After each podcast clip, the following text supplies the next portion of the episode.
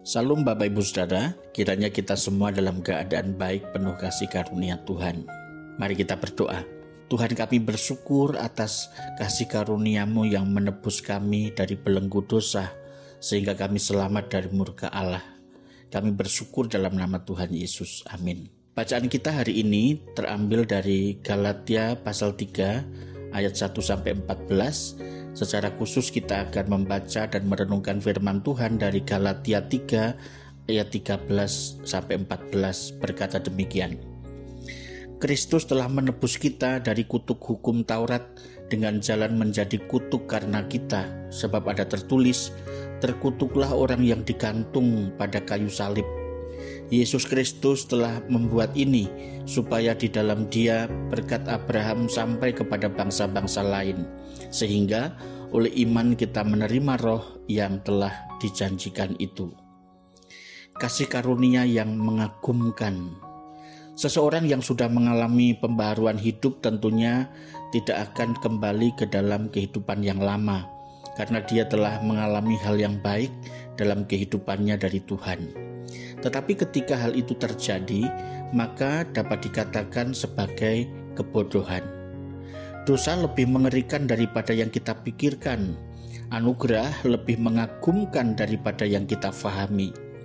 Kitab suci berkata bahwa dosa mengubah setiap aspek diri kita, tetapi setiap orang yang memahaminya tidak pernah berpikir bahwa dia dapat mengumpulkan cukup motivasi dan kekuatan untuk dapat memenuhi standar Allah yang sempurna itu.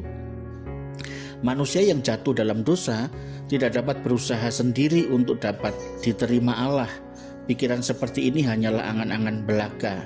Namun kita umumnya berpikir bahwa kita sudah lebih benar daripada kenyataannya. Dan ketika kita berpikir seperti itu, kita mulai berangan-angan bahwa mungkin kita tidak lebih buruk di mata Allah. Inilah alasan mengapa yang dikatakan Roma 3 ayat 20 sangatlah penting. Paulus menulis, sebab tidak seorang pun yang dapat dibenarkan di hadapan Allah oleh karena melakukan hukum Taurat. Meskipun Anda berdoa setiap waktu, doa Anda tidak pernah cukup untuk membuat Anda diterima Allah.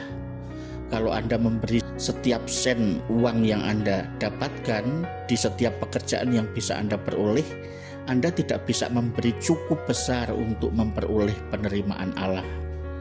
Dosa terlalu besar, standar Allah terlalu tinggi, tidak mungkin dicapai oleh siapa pun yang pernah bernafas untuk pertama kalinya. Inilah sebabnya Allah dalam kasih mengirimkan putranya akan tetapi Allah menunjukkan kasihnya kepada kita oleh karena Kristus telah mati untuk kita ketika kita masih berdosa. Tidak ada jalan lain, baik dulu maupun sekarang, dan hanya ada satu pintu supaya Allah menerima kita, yakni kebenaran Kristus. Kristuslah yang memberi kita harapan, rasa tenang, dan kedamaian dengan sempurna. Dia memenuhi tuntutan Allah supaya kita yang berdosa, lemah, dan gagal tidak perlu takut akan murka Allah lagi Inilah anugerah.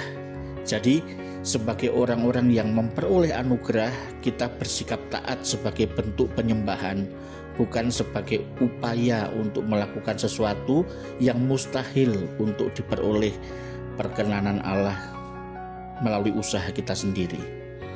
Jadi, jika Anda taat seribu tahun, Anda tidak lebih diterima dari Allah ketika baru percaya. Allah menerima Anda hanya karena kebenaran Kristus, bukan karena kebenaran Anda. Tuhan memberkati.